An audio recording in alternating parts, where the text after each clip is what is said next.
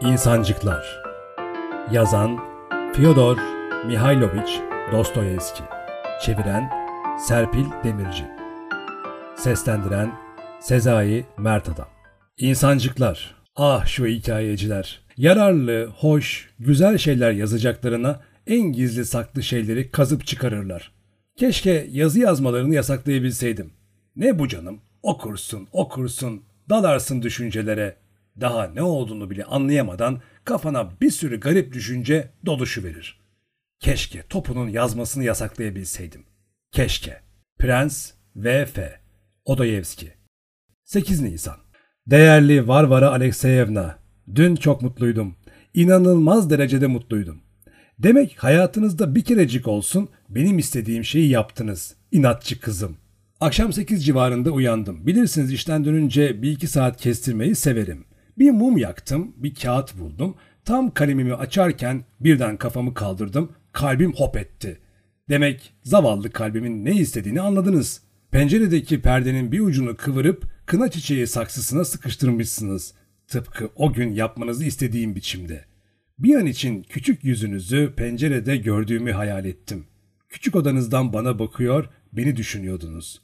Ah benim güvercinim, sizin güzel yüzünüzü seçemediğime nasıl üzüldüm. Ben de bir zamanlar iyi görürdüm. Yaşlılık şaka değil yavrucuğum. Şimdi bile gözlerim bulanık görüyor. Akşam çalışınca ertesi sabah gözlerim kan çanağı gibi oluyor. Yaşarıyor. İnsan içine çıkamıyorum. Ama sizin sevgi dolu gülümsemeniz hayalimde ışıldıyor meleğim. Sizi öptüğüm zaman hissettiklerimi yine kalbimde duydum. Hatırlıyor musunuz Varenka? Hatta pencereden parmağınızı salladığınızı bile görür gibi oldum. Yaramaz kız.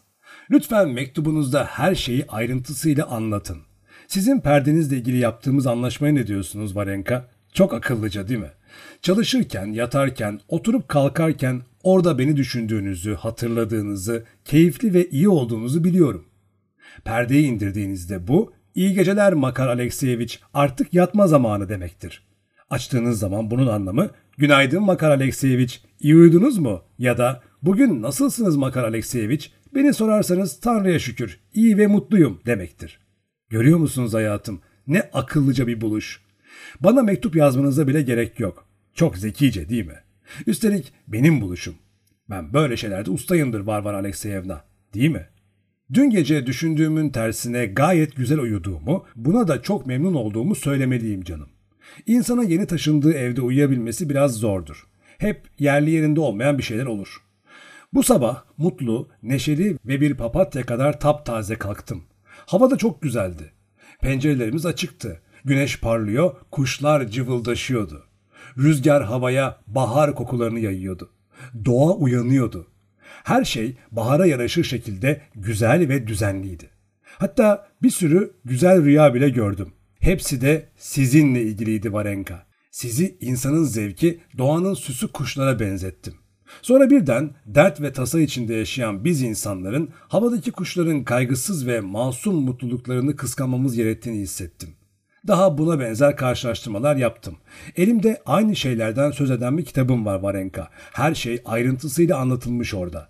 Size bunları çeşit çeşit hayallerim olduğunu anlatmak için yazıyorum. Üstelik şimdi bahar. İnsanın aklına hep hoş ve tatlı şeyler geliyor. Her şey gül gibi pembe oluyor. İşte bu yüzden size bunları yazdım. Daha doğrusu bunları bir kitaptan aldım. Yazar duygularını dizelere döküp diyor ki neden kuş değilim sanki yırtıcı bir kuş? İşte böyle devam edip gider. Daha bir sürü düşünceler var içinde. Ama boş verelim onları. Şimdi söyleyin bakalım. Bu sabah nereye gidiyordunuz öyle Varvara Alekseyevna? Siz bir bahar kuşu gibi odanızdan telaşla çıkıp avluyu neşeyle geçerken ben işe gitmemiştim daha. Sizi öyle görmek beni nasıl da mutlu etti. Ah Varenka ah. Siz sakın ola ki hüzünlenmeyin. Gözyaşları hiçbir şeyi hafifletmez. Bunu biliyorum hayatım. Bunu yaşayarak öğrendim. Şimdi rahatsınız. Sağlığınız da düzeldi. Fedora nasıl? Ne iyi bir kadıncağız o. Lütfen onunla nasıl geçindiğinizi, her şeyden memnun olup olmadığınızı yazın bana olur mu? Fedora'nın bazen biraz huysuzluk yaptığı oluyordur ama siz ona aldırmayın Varenka. Tanrı onu korusun. Çok iyi bir insan o. Size bizim Teresa'dan söz etmiştim. O da iyi ve güvenilir bir kadındır. O zamanlar nasıl mektuplaşacağımızı düşünüyordum. Nasıl gönderecektik? Sonra şansımıza Tanrı bize Teresa'yı gönderdi. Ne iyi, uysal ve sakin bir kadıncağız. Ama ev sahibimizin hiç insafı yok. Eski bir paçavra gibi canını çıkarıyor kadının. Öyle bir harabeye düştüm ki Varvara Alekseyevna. Ne de olsa pansiyon. Eskiden tam bir keşiş gibi yaşıyordum. Hatırlarsanız öyle huzurlu ve sakindim ki iğne düşse duyuluyordu.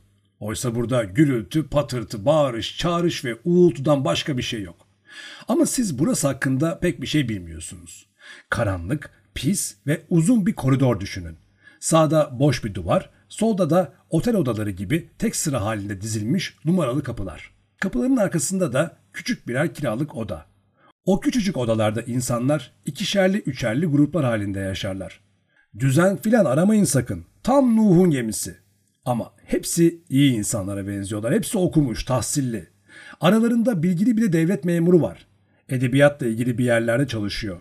Homeros'tan, Brambos'tan daha başka yazarlardan bahseder. Her konudan konuşur, zeki bir adam. Kağıt oynamaktan başka bir şey yapmayan iki de subay var. Ayrıca bir denizciyle bir İngilizce öğretmeni de burada oturuyor. Durun sizi güldüreyim biraz.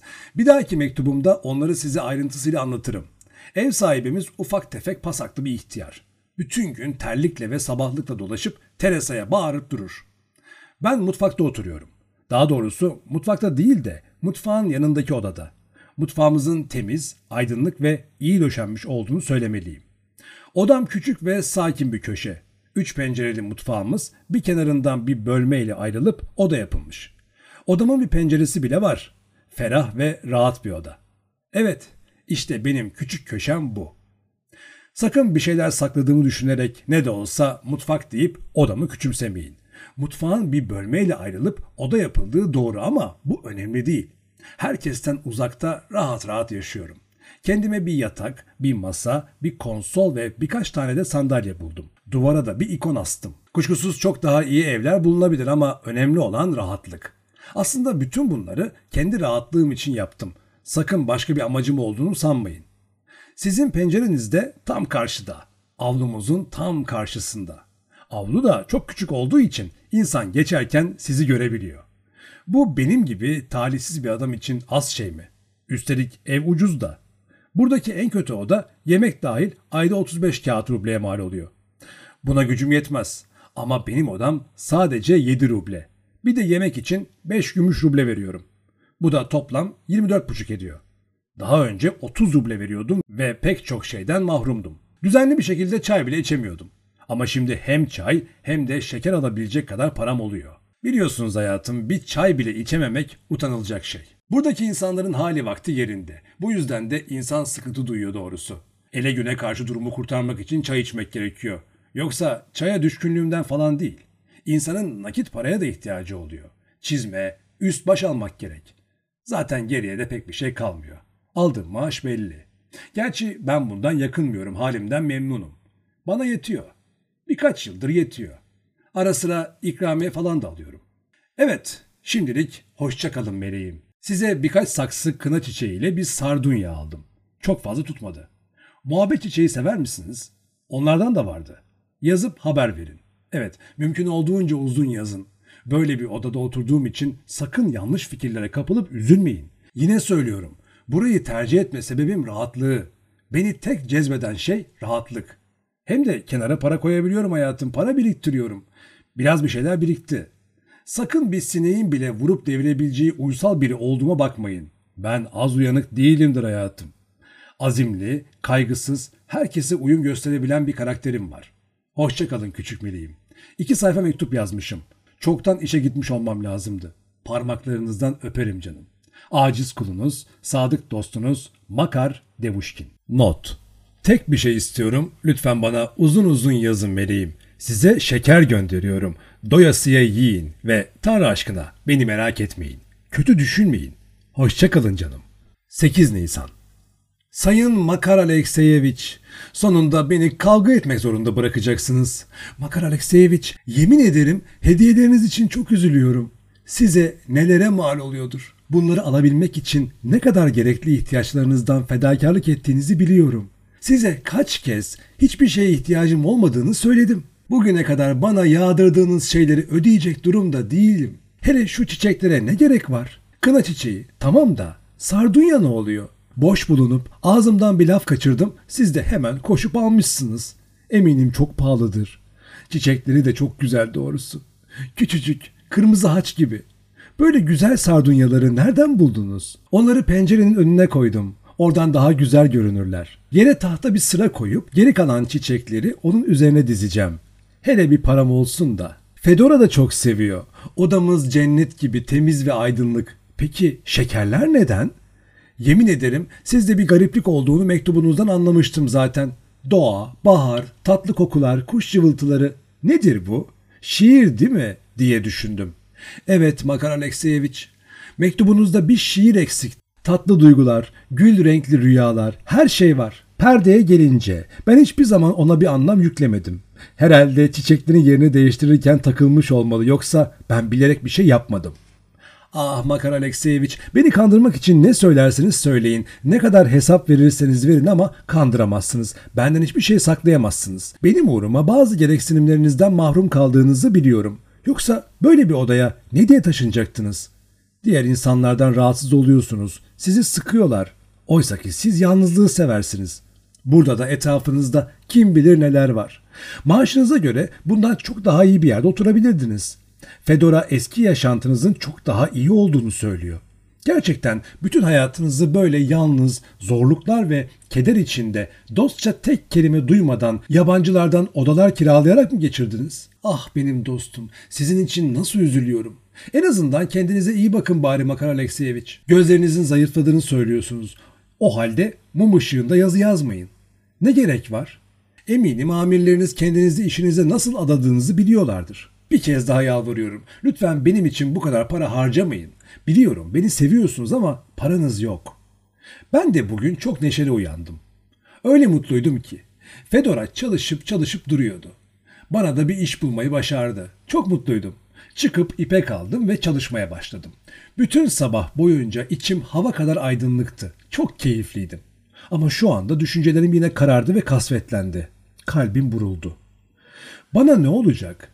Kaderimde neler var? Tam bir belirsizlik içinde olmak en kötü şey. Geleceğim yok. Bana neler olacağını tahmin bile edemiyorum. Geçmişe bakmaya da korkuyorum. Orada daha çok mutsuzluk var. Bunları hatırlamak bile kalbimi parçalamaya yetiyor. Karanlık çöküyor. Çalışmam gerek. Size yazmak istediğim çok şey var ama zamanım yok. İşimi yetiştirmem gerekiyor.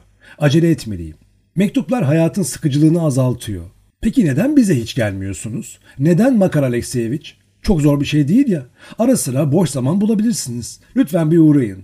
Teresa'yı gördüm geçenlerde hasta gibi görünüyordu. Acıyıp 20 kopek verdim. Ah neredeyse unutuyordum. Bana günlük yaşantınızla ilgili ayrıntılı mektup yazın. Etrafınızdaki insanlar nasıl? Onlarla iyi geçiniyor musunuz? Bunları bilmek istiyorum. Hemen yazmaya başlayın.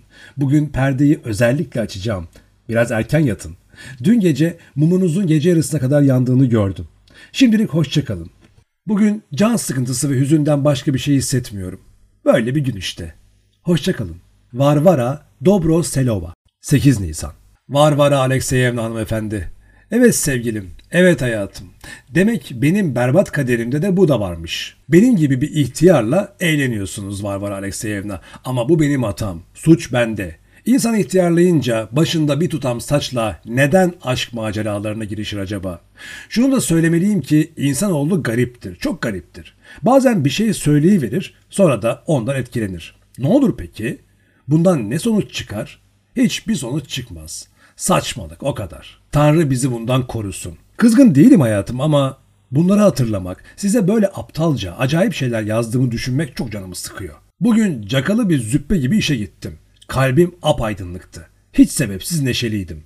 Gayretle kağıtlarımın başına oturdum. Sonuç ne oldu peki? Bir süre sonra etrafıma baktığımda her şey eskisi gibiydi. Gri ve pis.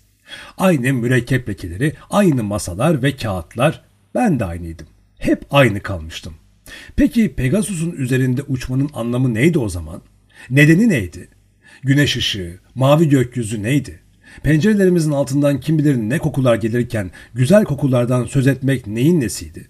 Bütün bunlar benim aptal hayal gücümün bir ürünüydü. Bazen insan duygularına kapılıp saçma şeyler yazabiliyor. Bunun nedeni de kalbin aşırı taşkınlığından başka bir şey değil. Eve dönerken sanki yürümedim de sürüklendim. Hiçbir sebep yokken başım ağrıyordu. Her şey peş peşe geliyordu. Soğuk da almıştım. Bahardan dolayı öylesine keyiflenmiştim ki aptal gibi incecik bir ceketle dışarı çıkmıştım. Duygularım konusunda da yanılıyorsunuz hayatım. İçimi dökmemi yanlış yorumluyorsunuz. Benim duyduğum babacan bir sevgiydi Varvara Alekseyevna. Saf babacan bir sevgi. Sizin acınası öksüzlüğünüz beni size babalık yapmaya zorladı. Bunu bütün içtenliğimle kalpten söylüyorum. Siz ne söylerseniz söyleyin uzaktan da olsa akrabanızım ve en yakın koruyucunuzum. Korunma ve güven aradığınız her yerde ihanet ve aşağılama buldunuz. Şiire gelince canım, size şu kadarını söyleyeyim ki benim yaşımda bir adamın öyle şiirle falan uğraşması pek yakışık almaz. Şiir saçma bir şey zaten. Günümüzde okullarda şiirle uğraşan çocuklar dayak yiyor. Bu iş böyledir aşkım. Var var Alekseyevna, neden bana rahatlığımdan ve huzurumdan söz ediyorsunuz? Ben dırdırcı bir adam değilim ki. Herhangi bir isteğim de yok. Şu ankinden daha iyi yaşamadım ki hiç. Bu yaşımda niye şikayetleneyim? Karnım tok, sırtım pek. Ne diye hayallere kapılayım? Kont değilim ya. Babam doğuştan soylu değil ki. Benimkinden daha düşük bir gelirle bütün ailesini geçindirmek zorundaydı. Hanım evladı değilim. Doğruyu söylemek gerekirse benim eski dairem gerçekten çok daha iyiydi, daha genişti. Kuşkusuz şu anki odamdan da bir şikayetim yok. Hatta birçok açıdan daha eğlenceli. Bir sürü farklılıkları var. Buna diyeceğim yok ama yine de eski yerimi özlüyorum. Biz eski, daha doğrusu yaşlı insanlar eski şeylere sanki bizden bir parçaymış gibi alışı veririz. O da küçücük, duvarlar. Neyse canım, söylenecek ne var? Duvarlar, duvar gibiydi işte. Bunlar önemli değil ama böyle geçmişi hatırlamak beni hüzünlendiriyor. Garip ama hatıralar hoş bile olsa yine de hüzünleniyorum. Benim anılarımda bazen beni üzen kötü şeyler bile kötülüklerinden arınır ve göz alıcı bir ışık halinde hafızama yayılır. Eski ev sahibimle sakin bir hayat yaşardık Varenka. Öldü gitti kadıncağız. Şimdi onu hüzünle anıyorum. İyi bir insandı. Oda için benden çok kira istemezdi. Ömrünüzde görebileceğiniz en uzun şişlerle döküntülerden yatak örtüsü örerdi hep. Başka bir şey yapmazdı. Işık ve yakıt giderlerini paylaşırdık. Bu yüzden de aynı masada çalışırdık. Maşa diye küçük bir torunu vardı. Onun küçüklüğünü bilirdim ama şimdi 13'ünde olmalı. Çok yaramaz, sürekli gülen, bizi de güldüren küçük bir kızdı. Üçümüz beraber otururduk. Uzun kış akşamlarında yuvarlak masanın etrafını oturur, çayımızı içer, sonra da işlerimizi yapardık. Maşa'yı oyalamak, yaramazlık yapmasını engellemek için yaşlı kadın masal anlatırdı. Hem de ne masallar. Sadece çocuklar değil, yetişkinler bile zevkle dinleyebilirdi. Tanrım, hatırlıyorum da pipomu yakıp öylesine keyifli dinlerdim ki ne yaptığımı unuturdum. Bizim küçük yaramaz da elini gül yanağına dayar, küçücük ağzını açıp hayallere dalar, eğer masal korkunçsa yaşlı kadına iyice sokulurdu. Onu izlemek bizi çok eğlendirirdi. Ne mumun bittiğini, ne fırtınanın gelip giden uğultusunu ne de tipiyi fark edebilirdik. İyi bir yaşantımız vardı Varenka. 20 yıl bu şekilde yaşadık. Neyse, çok boş boğazlık ettim. Böyle olaylar pek ilginizi çekmez herhalde. Bunları hatırlamak benim için de pek eğlenceli değil zaten. Hem de hava kararırken. Teresa bir şeylerle uğraşıyor. Benim de hem başım hem de sırtım ağrıyor. Kafamda garip garip düşünceler var. Sanki onlar da ağrı yapıyor gibi. Bugün çok üzgünüm Varenka. Siz de neler yazmışsınız öyle? Size nasıl geleyim? Benim küçük güvercinim insanlar ne der?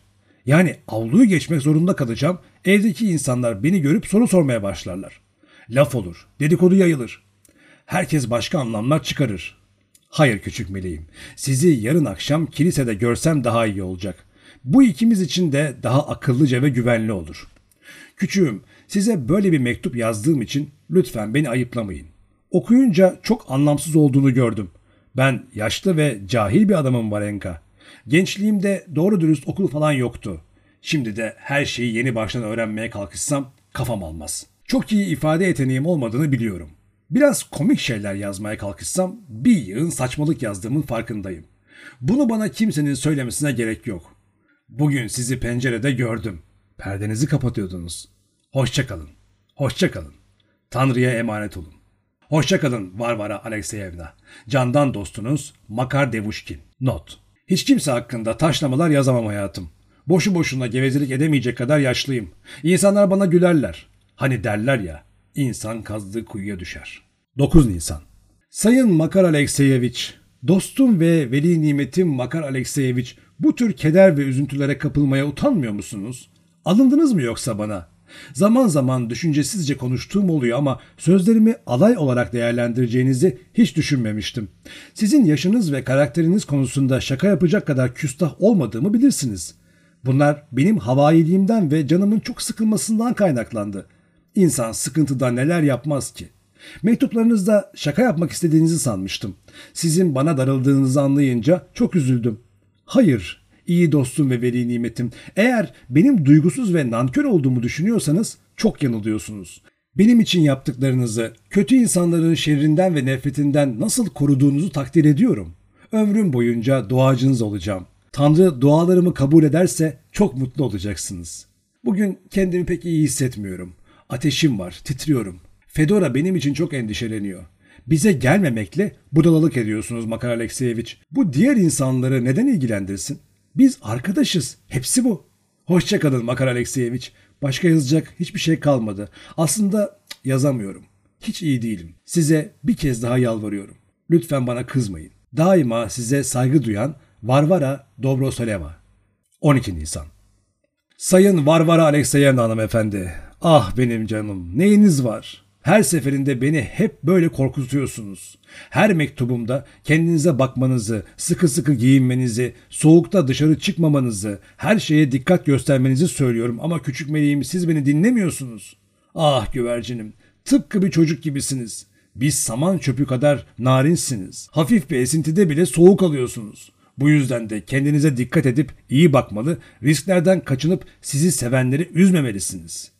Benim günlük yaşantım konusunda ayrıntılı bilgi edinmek istediğinizi yazmışsınız hayatım. Sizin bu isteğinizi seve seve yerine getiririm. En başından başlarsam daha düzenli olur. Binamızın giriş kısmı gayet temiz bir yer. Maun ve pirinç olan merdivenimiz de temiz, geniş ve aydınlık. Ama arka merdiven berbat. Kıvrım kıvrım olduğu yetmezmiş gibi hep ıslak ve pis durumdadır. Basamaklar kırık, duvarlar yağdan görünmüyor. Dokunmaya kalkışacak olsanız eliniz yapışır. Sahanlıklar dolaplar, kırık sandalyeler ve sandıklarla dolu. Camlar kırık, her yer pislik içinde. Çöp kovalarından yumurta kabukları, balık pislikleri taşıp dökülmüş. Her yer kokuyor. Kısacası iğrençlik. Odaları anlatmıştım. Rahat olduklarına hiç kuşku yok. Bu doğru ama nedense hep havasız. Daha doğrusu havasızlıktan öte çürük ve ekşi bir koku oluyor. İlk önce insana pek hoş gelmiyor ama bir iki dakika içinde alışılıyor. Bu koku insanın her tarafına siniyor. Evimizin kuşları bu havaya dayanamıyorlar. Denizcimiz beşinci kuşu aldı ama sonuç değişmedi. Kısaca bizim havamızda yaşayamıyorlar. Mutfağımız çok geniş, ferah ve aydınlık. Gerçi sabahları herkes balık ya da et pişirirken biraz duman oluyor. Oraya buraya su damlıyor ama akşamları cennet gibi. Mutfaktaki ipte mutlaka eski püskü iç çamaşırlar asılıdır. Odam hemen bitişikte olduğu için koku beni rahatsız ediyor ama artık kaldırmıyorum alıştım. Bizim evde gürültü sabahın erken saatlerinde başlıyor. İnsanlar kalkıp dolaşıyorlar, kapılar çarpılıyor. İşe gitmek ya da evin işleriyle uğraşmak için kalkanların kıpırtıları hiç eksik olmuyor. Herkes hemen sabah çayını hazırlıyor. Semaverlerimizin çoğu ev sahibesine aittir. Yeterli sayıda olmadığı için sırayla kullanıyoruz. Sırası gelmeden kullanmaya kalkanın vay haline. Bir kere öyle yapmıştım da. Neyse, Şimdi bundan söz etmenin bir anlamı yok. Buradaki herkesle hemen tanıştım. Denizci tanıştığım ilk kişiydi. Çok içten biriydi. Bana her şeyini anlattı. Tula'da bir vergi memuruyla evli olan kız kardeşinden, anne babasından, Kronstadt kentinden söz etti. Beni kanatları altına almaya söz verdi ve hemen çaya davet etti. Onu herkesin oturup kumar oynadığı bir odada buldum. Orada bana çay ikram etti. Sonra onlarla kağıt oynamam için ısrar ettiler. Artık dalga mı geçtiler yoksa ciddi miydiler bilmem ama bütün gece boyu kumar oynadılar.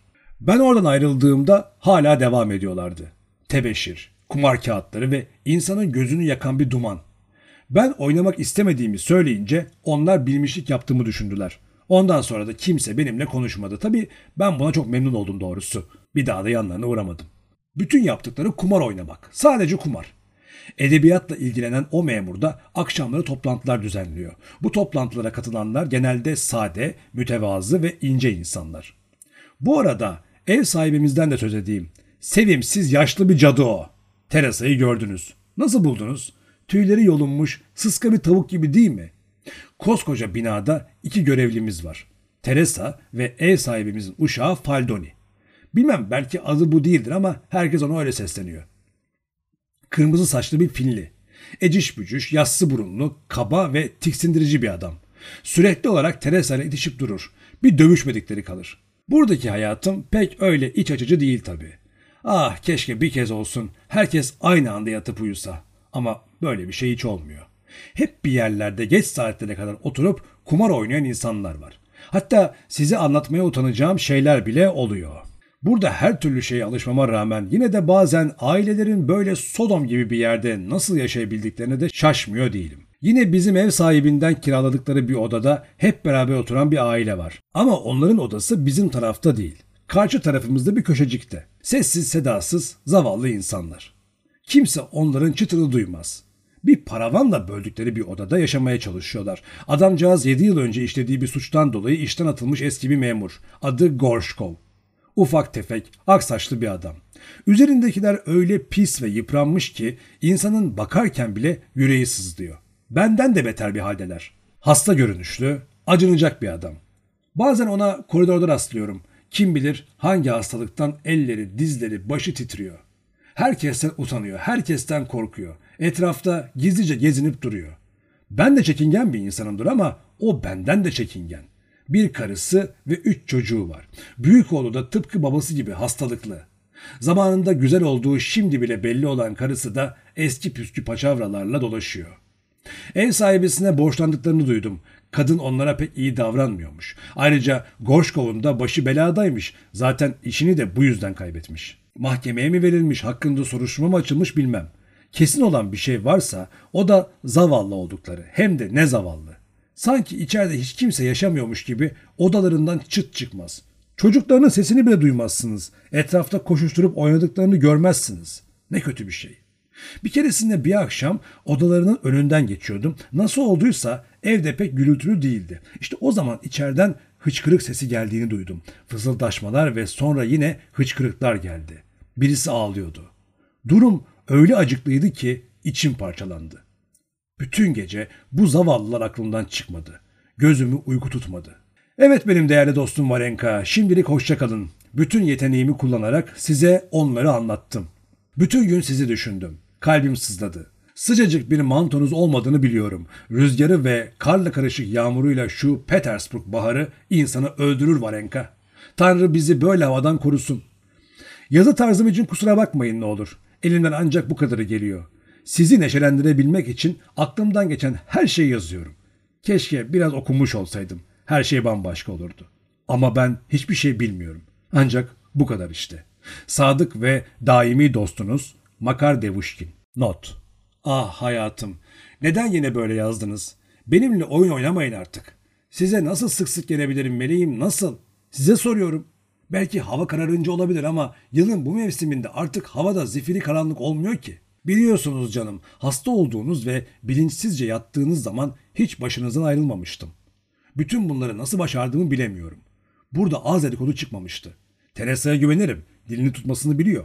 Ama öyleyken bile başkalarının kulağına bir şey gitse neler olur, neler konuşulur bir düşünün. Bu yüzden güçlü olmalısınız hayatım. Tekrar iyileşene kadar sabredin. Sonra dışarılarda bir yerde görüşürüz. 1 Haziran Sevgili Makar Alekseyeviç, benim yüzümden katlandıklarınızın ve bana olan sevginizin bir karşılığı olarak sizin için bir şeyler yapmak istedim. Sonunda uyuşukluğumu yenip tüm çekmecelerimi karıştırdım ve size gönderdiğim bu defteri buldum. Bu defteri hayatımın en güzel günlerinde yazmaya başlamıştım. Nasıl yaşadığımı, annemi, Petrovski'yi, Anna Fyodorovna'nın evinde geçirdiğim günleri, başıma gelenleri merak ediyordunuz. Kim bilir neden hayatımın bazı anlarını not ettiğim bu defteri okumak için sabırsızlanıyordunuz. Gönderdiğim bu defterle sizi çok memnun edeceğime hiç kuşkum yok. Ama ben bunları tekrar okurken çok hüzünlendim. Oraya en son satırı yazdığımdan beri iki kat daha yaşlanmış gibiyim. Hepsi farklı zamanlarda yazılmış şeyler. Hoşçakalın Makar Alekseyevich. Kendimi çok halsiz hissediyorum. Son zamanlarda uykusuzluk da çekiyorum. Ne geçmek bilmez bir iyileşme dönemiymiş. V.D. 1.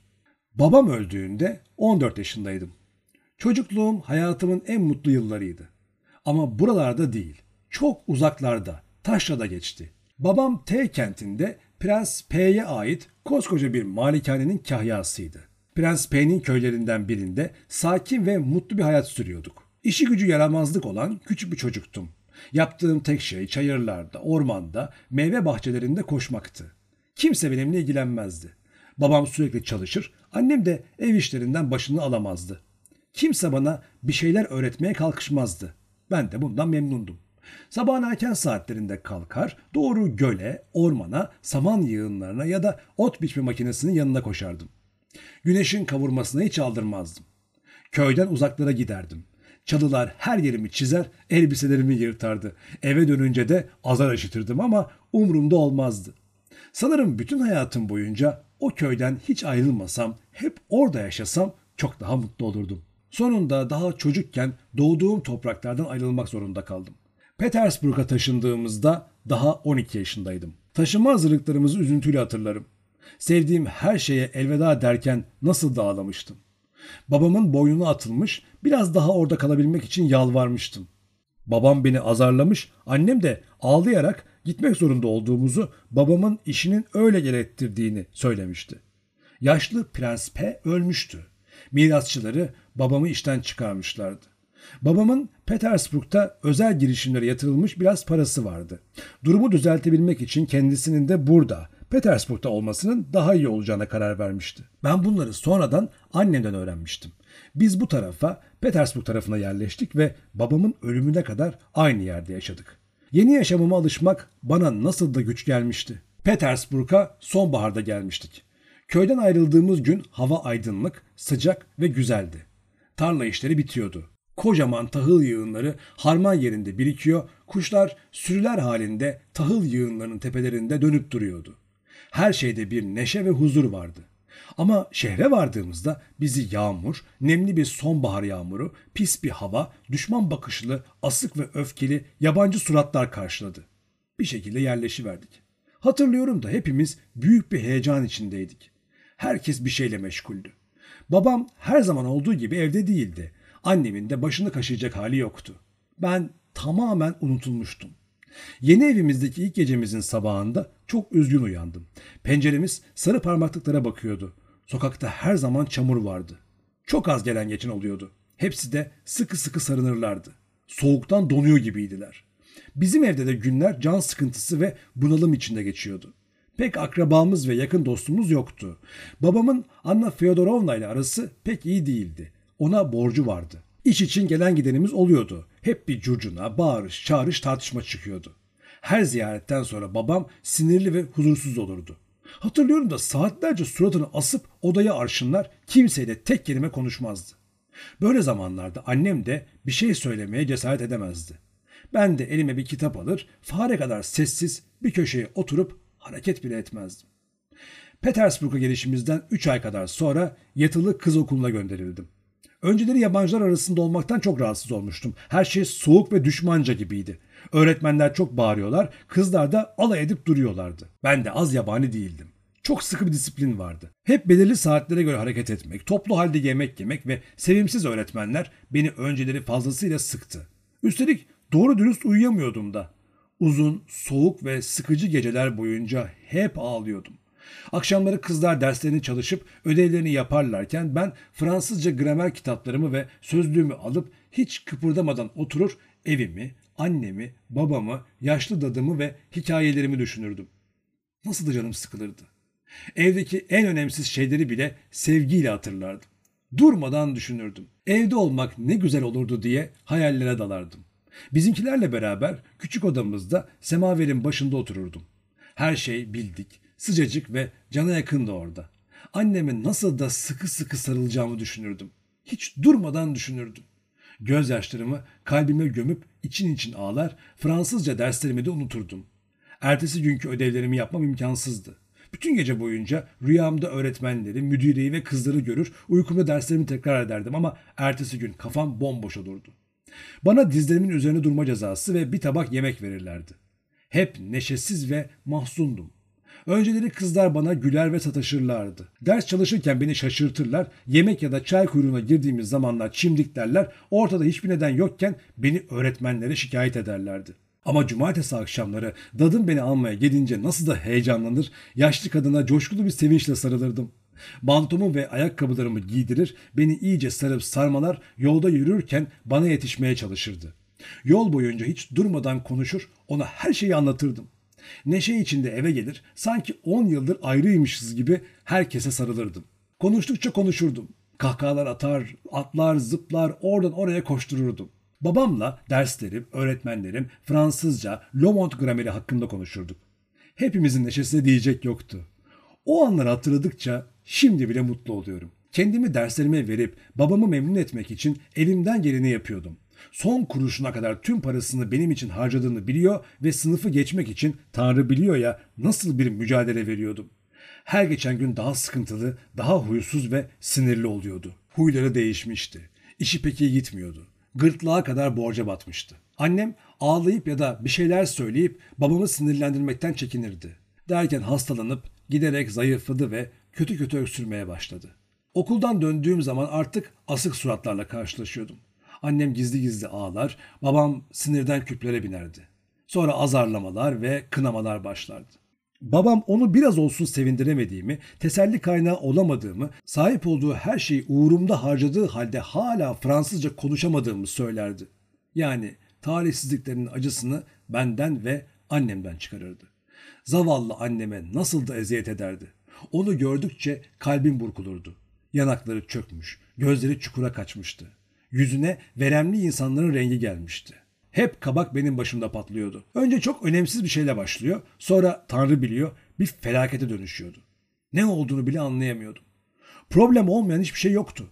Fransızca konuşamıyordum. Aptalın biriydim. Okulumuzun müdiresi de aptaldı. Kayıtsız bir kadındı. Düşüncesizdi. Kendisi de hala bir iş bulamamıştı. Lomont'un grameri beş para etmezdi. Zapolski'ninki ondan çok daha iyiydi. Bir hiç uğruna bana o kadar para akıtmışlardı. Duygusuz ve taş kalplinin biri olduğum belliydi. Zavallı ben bütün gücümle çalışıyor, kelimeleri ezberlemeye uğraşıyordum ama yine de bütün kabahat bendeydi. Bunlar beni sevmediği için değildi. O hem annemi hem de beni çok severdi. Ama ona bir şeyler olmuştu. Endişeler, dertler, başarısızlıklar zavallı adamı çok derinden etkilemişti. Aksi ve güvensiz olmuştu. Sık sık ümitsizliğe düşüyordu. Sağlığı da bozulmaya başlamıştı. Bir gün soğuk alıp hastalandı. Öylesine aniden, öylesine uyarısız öldü ki birkaç gün bu felaketin sersemliğini yaşadık. Annem ciddi bir şaşkınlığa düştü. Kafayı üşütecek diye endişeleniyordum. Babam ölür ölmez sanki yerden bitiveren bir sürü alacaklısı her biri bir yandan üstümüze üşüştü. Neyimiz varsa onlara vermek zorunda kaldık. Babamın Petersburg'a taşındıktan 6 ay sonra aldığı küçük evimizi bile sattık. Geri kalan borçlar nasıl halledildi bilmem ama biz başımızı sokacak bir evimiz, gidecek bir yerimiz ve yiyecek bir lokma ekmeğimiz bile olmadan ortada kaldık. Annem onulmaz bir hastalığın pençesine düşmüştü. Biz geçimimizi bile sağlayamadığımız için onun mahvoluşuna seyirci kalıyorduk. O zamanlar 14 yaşındaydım. İşte tam o bunalımlı dönemde Anna Fyodorovna çıka geldi. Bizim akrabamız olduğunu söyledi. Biraz malı mülkü varmış. Annem de uzaktan akraba olduğumuzu doğruluyordu. Babamın sağlığında hiç uğramazdı. Gözünde yaşlarla gelmiş ve bizi ne kadar sevdiğini anlatmıştı. Kaybımız ve perişan halimiz için üzülüyor, acımızı paylaşıyordu. Ona göre bütün suç babamdaydı. Gelirine göre yaşamamış, yapabileceğinden büyük işlere kalkışmış, kendi gücüne fazla güvenmiş ama başaramamıştı. Geçmişte kalan tatsızlıkları unutup birbirimizi daha iyi tanımamızı öneriyordu. Annem onun için kötü şeyler düşünmediğini söyleyince ağlamıştı.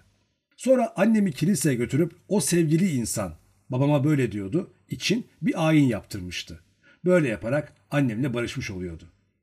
Uzayıp giden giriş ve uyarı cümlelerinden sonra Anna Fyodorovna durumumuzun perişanlığını, öksüzlüğümüzü, ümitsiz ve çaresizliğimizi bütün açıklığıyla resmetmiş, bizi kendi deyimiyle ona sığınmaya çağırmıştı. Annem ona teşekkür etti ama uzun süre karar veremedi. Yapılacak bir şey yoktu. Başka bir çare de kalmamıştı. Sonunda Anna Fyodorovna'ya teklifini memnuniyetle kabul ettiğimiz duyuruldu. Petersburg tarafından Vasilovski adasına taşındığımız sabahı daha dün gibi hatırlıyorum.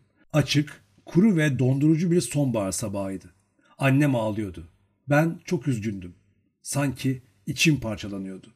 Kalbimde tarifi imkansız bir ağırlık vardı. Çok kötü bir andı.